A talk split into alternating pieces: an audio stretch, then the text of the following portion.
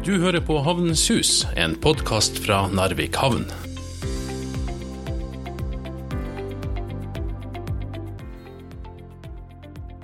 I over 110 år var LKAB det eneste selskapet som sendte malm utover havna i Narvik. Nå er det to. LKAB eier det ene utskipningsanlegget, Narvik havn det andre. Trodde havnedirektør Rune Arnøy at kommunale Narvik havn noen gang skulle eie og tjene gode penger på et malmutskipningsanlegg? Det svaret er enkelt å gi, og det er nei. Det trodde jeg aldri. Så det var heller ikke i tankene når dere starta med å fylle ut eh, større areal på, på Narvik-terminalen? Nei, det var ikke det. Det som eh, telte da, det var jo hvilken konklusjon som Narvik som omstillingskommune kom frem til. Og suksessen med Aretoget, med transport, eh, distribusjon og logistikk i sin helhet, det trigga at her måtte man ha plass for håndtering av container. For det var det nye vekstmediet. Ja, så dermed så starta et uh, stort arbeid med å, med å fylle ut uh, areal, for det var for lite på Fagernes? Det har vært for lite egentlig fra starten av, men det skyldes vel også det at utviklinga har gitt, eh, gått fortere og vært mer positiv enn noen turte forutse. Så eh, ifra å ha en prøveperiode på noen måneder til å bli en stor suksess, det var uventa for eh, de aller, aller fleste, vil jeg tro. Så det er klart at eh, også når Narvik kommune da bestemte seg for at eh, transport det skulle man satse på, det skulle man utvikle, og at havna i den sammenheng hadde en sentral rolle, ja, da var konklusjonen klar. Vi måtte skaffe mer areal. Og da snakker vi om areal retta sjøveien. For eh, den såkalte New-korridoren, Northern East West Freight Corridor, som starta som en idé kun for Nordkalotten, den ble veldig hurtig utvikla til å bli en global korridor fra Kina gjennom Kasakhstan, Russland, Finland, Sverige til Narvikhavn for videre med skip over til Island, Canada og USA. Det ble ikke noe suksess der og da, men arealet som det her krevdes, det starta vi på å bygge. Ja, For det er ikke noe som man gjør over natta, å, bygge et uh, areal som i særdeleshet er så stort som, som det man egentlig fikk nå på, på terminalen? Nei, det er helt riktig det Ifra vi starta planlegginga til anlegget, eller bygningsmassen på Skarvenes, altså ytterst på Fagernes-området, sto klar, så tok det elleve år. Hva som skjedde i løpet av alle de årene? Er, tar det så lang tid å bygge, eller er det regulering, er det finansiering? Hva er det som, som gjør at det tar så lang tid? Egentlig hele pakken. Eh, det skulle nå finansieres, det skulle reguleres. Men mest av alt, hvor skulle man hente massene? Og eh, Så viste det seg jo da at når vi da hadde planlagt inn området og fått det regulert til formålet, så starta jo LKAB sin jobb med å sprenge siloer i fjell for oppbevaring av malm. Og de hadde jo eh, selvfølgelig en utfordring. Hvor skal de plassere de massene? Det er jo ikke bare å dumpe det i sjø. Det får du ikke lov til. Og da sier vi det at OK, vi har et areal regulert for formålet. Det kan dere bruke. Og slik ble det. Ja, og Da gikk det noen eh, tusen lastebillass eh, mellom eh, de nye siloene til LKB midt i, i eh, Demag-områdene sagt, og, og ut til Fagernes? Det var vel regna på at det skulle gå eh, bil fra LKAB ut til Fagernes eh, hvert fjerde minutt. Og I tillegg til det så var det jo noen lektere som gikk for å legge motfylling og slike ting. Sånn at eh, det er nok ca. 1 million kubikk med sprengt stein som er lagt ut i hele det området, slik det er i dag. Og Så får man gjort det, man får et nytt areal, og så eh, blir det liggende der. Og, og eh, lite skjer med containere. Det er vel stort sett bare som paraglidere som, som driver og bruker det området over, over litt tid. Vi hadde noen prøvetransporter ganske tidlig, og da mener jeg så tidlig som i 1997 med, siden vi skaffa containerkraner eh, fra Nord-Sverige, Nord-Finland over til USA og Canada. Men det var jo egentlig før vi kom ordentlig i gang med den utfyllinga vi nå snakker om. Så eh, vi kan si det sånn at jo da, det var et stort, flott område, særlig for paragliding og slike ting. og så, så, det skjønte vi jo at det kunne ha en verdi for mer enn det vi tenkte. Så ligger det området der, og så blir plutselig malm et stikkord. Hva skjedde da? Først og fremst så må vi jo si at kontakten med Northland den hadde vi fra 2008. Og eh, ved at eh, jeg var med på besøk til hovedkontoret i London for å fortelle hvilken fortreffelig mulighet det var i Narvik, eh, med jernmalm fra Sverige til Narvik, dypvannshavn. Men da tenkte ikke vi på å bruke utfyllinga på Fagernes. Da tenkte vi på å bruke Djupvik-området eller eh, Grunstadvika som to potensielle områder. Så vi inviterte ledelsen i selskapet til Narvik, og de kom. Og sammen med Jernbaneverket, som nå heter Bane Nor, så gjorde vi en befaring. Og vi gjorde en sånn avtale som hadde to års varighet, hvor vi skulle sjekke hvilke muligheter vi hadde for å etablere denne aktiviteten. De på sin side og vi på vår side. Så når de to årene var gått, så eh, var det endra litt struktur i selskapet, men de kom tilbake. Da viste vi den fyllinga på Fagernes. Og da sier de det er her vi vil være. Og slik ble det. Og Det hadde vel noe med, med tidsaspektet òg her å gjøre. For det at, at å bygge en, en ny eh, malm, malmhavn på Djupvik eller i Grunstadvika med der Hålogalandsbrua eh, går i dag, det, det, er jo ikke gjort over natta. Men, men her var det areal som, som, man hadde, og dermed så kunne det gå raskt inntil man hadde et anlegg opp å gå. Det er riktig, det, og det gikk raskt. Men også fordi at eh, Narvik kommune sin beslutningsprosess fungerte utmerket. Og dermed så klarte man eh, å få eh, anledning til å etablere en eh, ny bulkterminal, den andre, i Narvik. Men det var et lite forbehold. Det skulle være et midlertidig anlegg. For det permanente anlegget skulle egentlig da bli lagt til Grunstadvika eller en annen dertil mer egnet plassering. I dag så ser vi at det har ikke skjedd. Hva er årsaken til det? Støv og støy, som man var veldig redd for, ble atskillig, et atskillig mindre problem enn eh, forutsatt. Og støy, ikke minst fordi at eh, Bane Nor, som det nå heter, har satt opp eh, støyskjermer langs etter hele gamle E6, Fagernesveien. Og støv fordi at vi har solid med filter og kontroll på tømming, som gjør at det som blir av støv, fanges opp i de filtrene som vi har montert i selve anlegget. Men i 2008 sier du, så, så hadde man den første kontakten med, med, Northland. Eh, men det var jo ikke noe selvsagt allikevel at, at, Narvik skulle bli valgt. Altså Man så på andre alternativ, også utskipning eh, fra helt andre plasser enn Narvik. Ja, både Luleå, Skellefteå Kemi. altså de, Northland kikka på veldig mange alternativ. Og at de til slutt valgte Narvik, det skyldes ganske enkelt det, tror jeg, at ikke bare var vi nærmest men vi hadde også muligheten til å ta inn de største fartøyene og laste dem. Og isfri hele året er også et kapittel som er viktig å ta med i den sammenheng. Det er vi.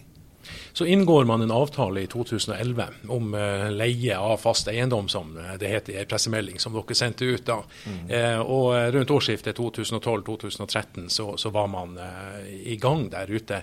Det ble investert stort. Northland investerte 1,6 milliard i Narvik. Bygde ny kai, bygde et helt nytt anlegg for laste- og losseoperasjoner. Bygde nye jernbanespor. Tror det også kosta det på den, en ny bru over sjøbakken. De har investert stort og tungt i Narvik, og selvfølgelig mer i gruva i Pajala, som Kaunisvara. Men eh, så stort og tungt at det her var ment å skulle være et anlegg som skulle tåle stor trafikk. Men samtidig som de investerer, og, og, hvis jeg ikke husker helt feil, så investerte de vel totalt over 9 milliarder, inklusiv eh, gruva der. Og, og, de er så vidt kommet i gang. og så eh, begynner malmprisen å eh, stupe. Og det er vi jo ikke ukjent med i, i, Narvik. Sånn har det jo vært. Vi har kjent de der internasjonale konjunkturene over, over 100 år. Eh, og, men de fikk seg en, en skikkelig smell før de nesten var kommet i gang. Det er helt riktig. For det, det tidspunktet de tok beslutning på bygget, så var prisene på vei til himmels. Og når de var kommet i gang, så begynte prisene å falle og stupte som en stein. Og konjunkturer, det bevegelser, det er vi kjent med i Narvik. Og vi tror nok det at vi kommer til å merke det i fortsettelsen også. Men la, det laveste nivået vi har sett tidligere, tror vi ikke på kommer tilbake. Det laveste nivået er blitt høyere enn det var tidligere. Og det tror vi er, årsaken til det er kvaliteten på den jernmalmen som kommer ifra, eh, fra Nord-Sverige og Nord-Finland. Og eh, også at verden trenger denne type produkt, altså stålprodukter, i, i større grad enn eh, før. Men det var altså Northland som, som bygde kai, det var Northland som bygde hall der ute. Og, og, og dere leide ut grunn, men allikevel så, så, var det relativt god butikk for havna? Det er klart det, det ble det, for at uh, vi fikk en fornuftig avtale med dem. Vi syns ikke det at vi var uh, veldig dyr, for å si det sånn. Men vi hadde jo satsa stort og tungt på at vi skulle få en mer sjørelatert trafikk, og hadde tatt et løft med å fylle ut det er store områder med stort dyp. Og at Northland da kom til oss og ville bruke det området til sitt formål, det syns vi var meget eh, hyggelig å konstatere. Men etter bare sånn ca. to års eh, drift, så, eh, så, møter de da på de her malmprisene som da var kommet så lavt at det her var umulig å, å fortsette. Og, og, selskapet går konkurs med, med en gjeld som er den største som, som man har hatt i Sverige noen gang, med gjeld på over 12 milliarder kroner. Eh, det er det ene. Det andre er at, at 50 eh, mista jobben sin eh, i, i Narvik, som var tilknytta anlegget. Det var, det var, harde tak. Det var det. Det var kjempetøft. Og enda flere mista jobben i Sverige. Så det her var et skikkelig setback for oss alle sammen. Og eh, hva skulle vi liksom eh, gjøre med anlegget og alt det nå? Det var jo spørsmålet man stilte seg både hos oss og også i Pajala-området. Så eh, her var på mange måter gode råd dyre. Skulle anlegget plukkes ned, slaktes, selges, fjernes, eh, eller skulle man forsøke å få ny aktivitet? Det ble det store spørsmålet, og det er egentlig et spørsmål som det ble jobba ganske intenst med både fra vår side og også i Sverige, som vi vet om, over eh, ganske lang tid. Ja, Fortell litt om, om, akkurat den jobben. fordi Det å skape ny aktivitet er jo i utgangspunktet ikke så enkelt. Men samtidig så visste dere og hadde hatt kontakt med, med flere andre gruveselskap også som så på, på, mulighetene. Så dere måtte jo ha en, en tanke om at eh, hvis havna skal gå inn og overta eh, anlegget, deler eller hele, så, så, så må man jo ha, få noe butikk ut av det etter hvert. Helt klart. Vi mente det at eh, vi hadde et oppegående og flott anlegg og vi hadde egentlig sikra oss eh, gjennom gode avtaler en første rett til å tre inn i eh, en avtale for å overta. Og eh, når, når det her gikk til konkursboet, så ble jo da vi eh, den eneste part på norsk side som konkursboet måtte forhandle med. Og det var jo en anledning som vi syntes var veldig spennende. Og vi klarte da å komme frem til eh, gode avtaler med konkursboet om å overta hele anlegget. I den sammenhengen så må jeg også få lov til å gi ros til min eh, avdøde styreleder fra tidligere, Hans Larsen, som skjønte forretningsdrift, som skjønte forhandlingsteknikk, og som var veldig god for meg å ha med min side når at vi gjennomførte de prosessene som vi her gjorde, og som egentlig falt så bra ut for Narvik som det nå har gjort. Ja, han, eh, Hans Larsen han døde i 2017, eh, han var bare 61 år gammel da. Han, han ble helt sentral i, i de forhandlingene som, som pågikk, og, og, for at resultatet skulle bli så bra. Han var kjempesentral. Han, eh, ikke bare har han eh, hatt forretningsteft, men han hadde gjennomføringsevne. Og han snakka et språk som var så klart og tydelig at eh, folk eh, forsto det. Og det gjorde jo det hele mye enklere. Vi slapp å bruke masse tid på å gå rundt grøten. Vi visste hva vi ville, og Hans i særdeleshet klarte å uttrykke det klart og tydelig. Så vi, eh, vi, er veldig godt fornøyd med at vi lyktes så godt som vi gjorde. Og så hadde han jo et stort hjerte for Narvik òg, da? Absolutt. Han eh, levde jo ånde for, for eh, den jobben han var med på å gjøre her i Narvik. og hadde det vært opp til han, så hadde han ville fortsatt her eh, enda en dag i dag. Du, I første omgang så kjøpte dere eh, lagerhall og bygninger og en del installasjoner for eh, borti seks millioner kroner. Eh, og så gjensto eh, selve utskipningsanlegget, som Northland hadde brukt flere hundre millioner eh, på. Eh, dere tok det i to etapper, det der? Vi måtte det, for selve lagerbygninger og alt det der han hadde ble ansett for å ha relativt liten verdi. Mens at uh, utelaster og kai ville ha en høyere verdi. Og da hadde vi uh, to etapper, som du sier, eller egentlig tre. da. For vi måtte ha en egen etappe bare for utlaster, og en egen for kai. Men uh, begge to klarte vi å lande på en, det vi kaller for en fornuftig måte. og vi vi sa oss da veldig fornøyd med det totale resultatet av eh, de forhandlingene. Ja, Si nå litt mer. Nå er jo de der beløpene også kjent for så vidt eh, ja. i, i, ettertid. Det ble jo en brøkdel av det som Northland hadde investert. Ja, det er riktig. Altså, De har investert ca. 1,6 milliard, og vi har kjøpt ut alt fra Northland eh, sitt konkursbo for 75 millioner kroner. Men det ble et løft, det òg, da, det for Narvik havn. Altså, det, det, det, var man nødt til å bruke litt, eh, litt tid på. Jo, for vi hadde jo investert i grunn. Vi hadde fått fjerna bygningsmasse. Så du kan si at totalt sett, så med alt det, så hadde jo vi pådratt oss en eh, kostnad på bortimot 300 millioner kroner. Og det måtte jo vi da forsøke å forrente. Og hadde vi ikke noe utleietaker på det, så betydde jo det at vi det belasta resultatet vårt negativt, og det gjorde det. og det gjorde jo det. Sov ja. du godt den tida der? Ja, det gjorde jeg. For at, eh, som du sa også i sted, vi hadde kontakt med flere andre selskap som kunne være interessert i å bruke oss. Og Derfor så ble det en del eh, farting rundt omkring i Norge, Nord-Norge, ikke Nord-Norge, men Nord-Sverige og Nord-Finland, for å snakke nærmere med de ulike aktørene. og Flere av de kom jo også hit. Og eh, Det tok jo litt tid før at vi visste hva vi hadde, for vi turte ikke å forskuttere noen ting før vi følte at, vi, eh, at det var grunnlag for det. Og det som da egentlig gjorde det her så bra, det var jo da at det var tunge investorer i Sverige som kjøpte opp konkursboet også etter Northland der, og sikra at hele anlegget ble stående intakt. Altså hele gruveanlegget? Hele, hele gruveanlegget. Mm knuseverket og alt bestående intakt. Og dermed så var grunnlaget lagt for å kunne vurdere de som en seriøs interessent, i tillegg til andre. Men hvordan oppsto den eh, første kontakten med, med Kaunis Aron, som nå bruker anlegget på, på eh, terminalen på Fagernes? Vi starta med å ha kontakt med investorene, som heter ABCD for å sikre oss eh, at vi hadde med de rette aktørene å gjøre i utgangspunktet.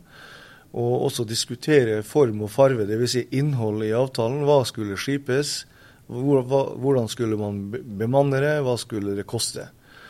Og eh, I løpet av den prosessen så ble avtalene omgjort til å hete Kaunis Iron og eh, AB. Og da inviterte man i Sverige flere investorer med, både små og store. Og den kontakten vi fikk med de da ble veldig bra, for de så at det eneste farbare for de det var å gå denne veien mot Narvik, og ikke, ikke bruke andre alternative løsninger. Slik sett så konkluderte de på samme basis som Norten i sin tid hadde gjort. Men de har jo også arva denne litt sånn tunge transportveien, spesielt mellom gruva i, i Pajala og, og inn til jernbanen. Er de fornøyd med det? Den klart dyreste delen av hele logistikkjeden er lastebilkjøringa mellom Kaunisvaara i Pajala kommune og Pytkajärvi, som ligger ved Svappavaara i Kiruna kommune. Eh, det er ikke tvil om.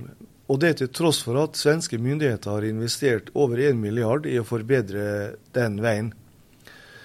Skal de eh, dra ned logistikkostnadene sine på det viset, så er de nødt til, så må den svenske staten bygge jernbane. Og skjer det, så kommer det til å øke dramatisk denne typen trafikk. Ikke bare fra Nord-Sverige, men også Nord-Finland.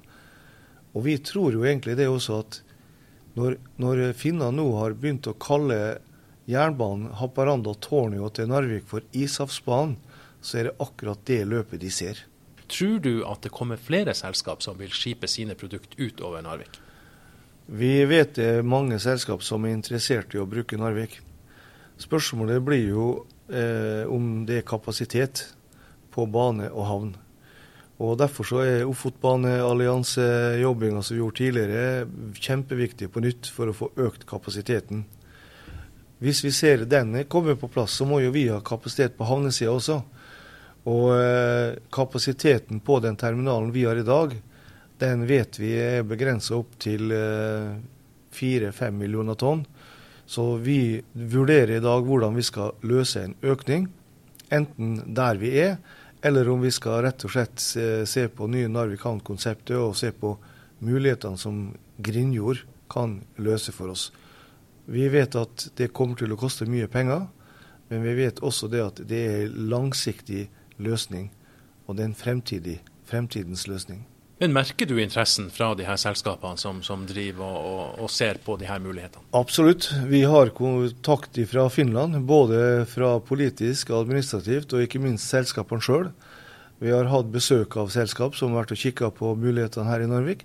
Og vi har sjøl vært i Nord-Finland også for å se på hva som er der. Så at interessen er der, det er ikke et øyeblikk i tvil om. Den er sterk.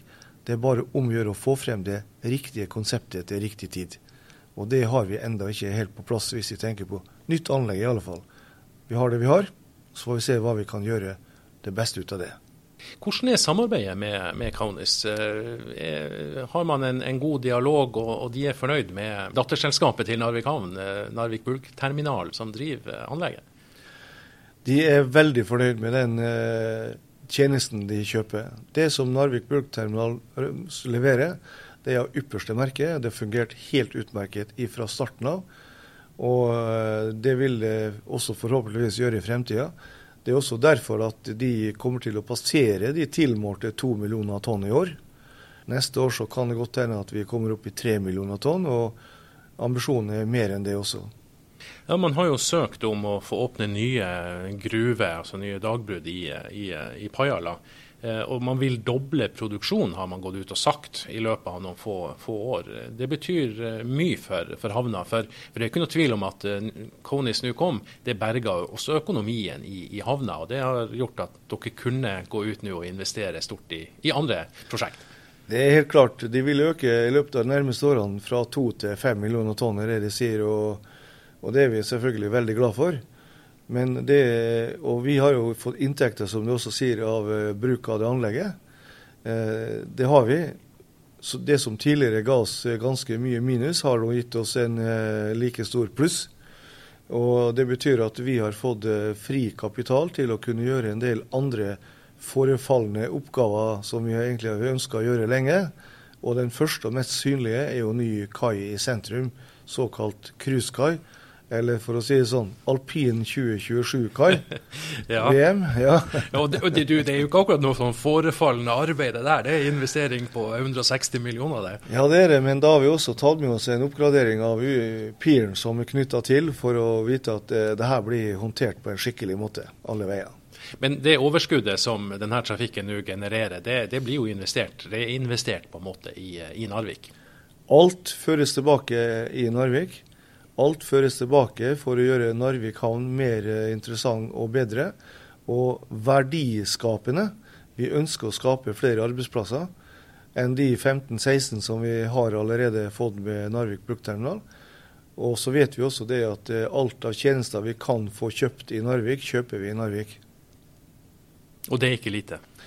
Nei, det, vi tror vi sysselsetter ganske mange ekstra arbeidsplasser ved at vi handler såpass mye som vi gjør lokalt. Betyr det at uh, Konis allerede er en større kunde enn det LKB er for, uh, for havna? Ja, det er det. Det er helt klart at det er. Eh, men eh, det er jo fordi at de bruker et anlegg som vi eier. Hadde vi eid eh, kai og utlaster hos LKAB, så hadde de vært en kjempestor kunde. Men da har vi også pådratt oss eh, en del større kostnader. Så vi vet jo det at det å eie anlegg er, er krevende på mange vis. Men mest av alt så gir det oss større muligheter. Du, Nå har vi snakka eh, veldig lenge Rune, om eh, bulkterminalen, så nå eh, har jeg veldig lyst til å dra ut og, og, og se på den. Og um, Det er mye flotte folk som, som, jobber der ute. Ja, vi er så heldige at når vi søkte etter ansatte, så fikk vi langt flere søkere enn det vi hadde trodd. Flere av de var godt kvalifisert i det de hadde jobba i Northland Resources sitt anlegg tidligere. Og da eh, var det egentlig å vrake og velge det vi måtte ønske. Vi har en daglig leder, Jan Rolf Gundersen, som du da blir å møte på anlegget, som er meget kompetent, og som har gjort en strålende jobb sammen med de øvrige ansatte. Så vi føler at vi er på rett vei, og at alt er i gode hender. Ja, og mens jeg drar ut dit, så, så har vel du tenkt å uh, pakke kofferten. For, uh, for du uh, er stadig på farten i, i markedsføring av det potensialet som fortsatt ligger i, havna i Narvik. Det stemmer. De neste ukene så har jeg et nokså hardt reiseprogram. I morgen drar jeg til Kasakhstan for å delta på Transsibirsk jernbanes generalforsamling. Der blir jeg også møte en del fagfolk og transportører og produsenter i Kasakhstan, og også kasakhstanske ministernivå. Det syns vi er spennende, og de er knutepunktet mellom eh, øst og vest gjennom sin grenseby mot Kina, Korgos. Og Uka etter så drar jeg til eh, Finland for å diskutere med de ulike aktørene hvordan vi skal få jernbanen eh, videreført fra Kovola til Narvik. Og da drar jeg sammen med Port of Halifax og Ameskip på Island for å presentere produktet Gateway Narvik North America.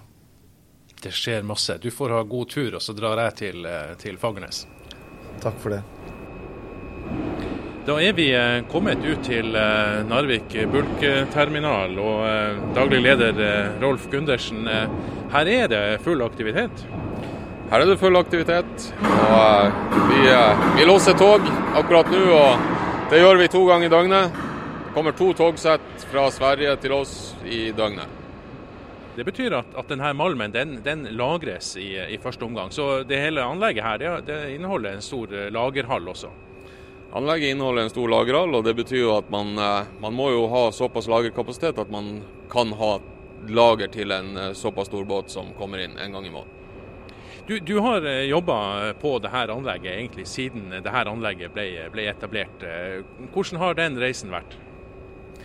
Ja, jeg har vært med også når Northland eh, starta opp der anlegget og bygde anlegget. Vært med i prosjektet, så, så, jeg kjenner anlegget veldig godt. Og prosessen fra Northland sin konkurs frem til i dag, den har jo vært lang. Den har tatt mange år. Men akkurat nå så ser det veldig lyst ut. For vi vi følger planen til Conis Iron. Conis Iron produserer mer enn de eh, hadde planlagt. Og det vil si det at eh, når de går bra, så går også vi bra. Kaunis de har eh, planer om å, å, transportere ut to millioner tonn malm hvert år. Det er det de gjør i år, og dere ligger godt an? Ja da, vi følger planen til Kaunis Iron. Og de hadde planlagt å skipe ut to millioner tonn. Og det er en plan de følger per dags dato. Eh, de ser jo også på en eh, økning av produksjonen i fremtida. Dvs. Si at de eh, på sikt har tenkt å doble produksjonen opp mot 4-5 millioner tonn i året. Hva vil det bety for dere? Det vil bety at vi må jo også se på, på personell internt her. Vi vil øke personellet i takt med det som det er behov for, for å klare å håndtere såpass mye malm som eventuelt kommer da. Den kortsiktige planen til Conny Saron det er jo det at de ønsker å gå opp til 3 millioner tonn i løpet av 2020. Men eh, det er ikke fastsatt enda, men det er en plan som de jobber kortsiktig imot. Men en dobling av produksjonen fra to i dag til 4-5 millioner tonn i året, er, er anlegget dimensjonert for å, å, takle det? Anlegget er dimensjonert for å takle det, og det er også sånn at eh, man kan øke volumet. Det eneste som skjer, er at du øker frekvensen både på tog og båt. Nå er det 15-16 ansatte i, i, selskapet her. Vi er 15 ansatte per dags dato. Eh, det som er veldig viktig, det er jo at vi har en stab som eh, også kan være å gjøre en jobb både på vedlikeholdssida, planlegge vedlikehold, og også gjøre inntuning av anlegg og utstyr foran hver toglossing, foran hver båtlasting. Og også at vi eh, ser på oppgaver som må gjøres utover det som er planlagt som standardoppgaver. Ja, for det vi som, eh, som bor i, i, Narvik eller er innom her ser, det er jo at det kommer et par tog i, i døgnet. Og så ser vi at det kommer en båt av og til. Eh, men, men, det skjer en del mer eh, aktivitet her, eh, også når det ikke er båt. Den viktigste jobben her er faktisk det som skjer mellom hvert tog og mellom hver båt. Eh, og det beror seg på at man eh, må gjøre noe preventivt. Man må forberede utstyret på det de operasjonene man skal gjøre og det sikrer drifta. Og det har vi lyktes med så langt. Og selvfølgelig kommer vi nok til å møte et havari eller to i fremtida. Men eh, er man preventiv, så tar man de fleste tingene på det preventive jobben som er gjort. Men anlegget her, det fungerer godt? Anlegget fungerer godt, det gjør det. Det fungerer sånn som det var planlagt opprinnelig i Nordland-tida. og vi gjør selvfølgelig noen små modifiseringer her og der som gjør at anlegget blir enda mer effektivt. Kan du beskrive litt hva, hva som skjer her vi, vi står nå? Det som skjer her, det er jo at vi kjører inn et togsett. Togsettet her det består av 36 vogner. Det blir splitta opp i åtte og åtte vogner pga. sporets lengde på terminalen. Ellers så kunne vi sikkert ha dytta inn gjennom hele togsettet, og vi hadde sporlengde nok. Men de blir som sagt splitta opp i åtte og åtte eller ti og ti. Det avhenger av hvor mange vogner som kommer ned totalt i settet. Togsettet blir dytta inn i spiralen med et lok.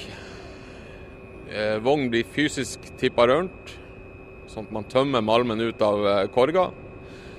Det går videre på transportbanen inn til lager. Når vognsettet er kommet gjennom spiralen, så kobles et annet lok på, på eh, motsatt side av bygget. Og da trekker man ut resterende sette som er i lossehallen. Hver vogn inneholder 90 tonn malm, så det er, det er bra vekt som kjøres gjennom her per vogn.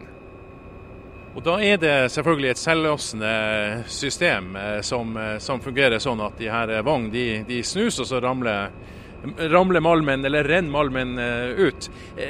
Men til tross for at vi står her vi står, og, og det er tømming av de her vognene, så, så, er det ikke mye støv. Det er ingen støv å registrere her. og, og Det er jo det som er bra med dette materialet. Det Støvet er minimalt, det har høy egenvekt, det har en fuktinnhold som gjør at det ikke støver. Vi har også etablert et målesystem for eh, støvmåling utvendig her, og vi er langt unna de grensene som eh, ligger i reguleringsplanen. Du har hørt på Havnens hus, en podkast fra Narvik havn, produsert av Mo Media.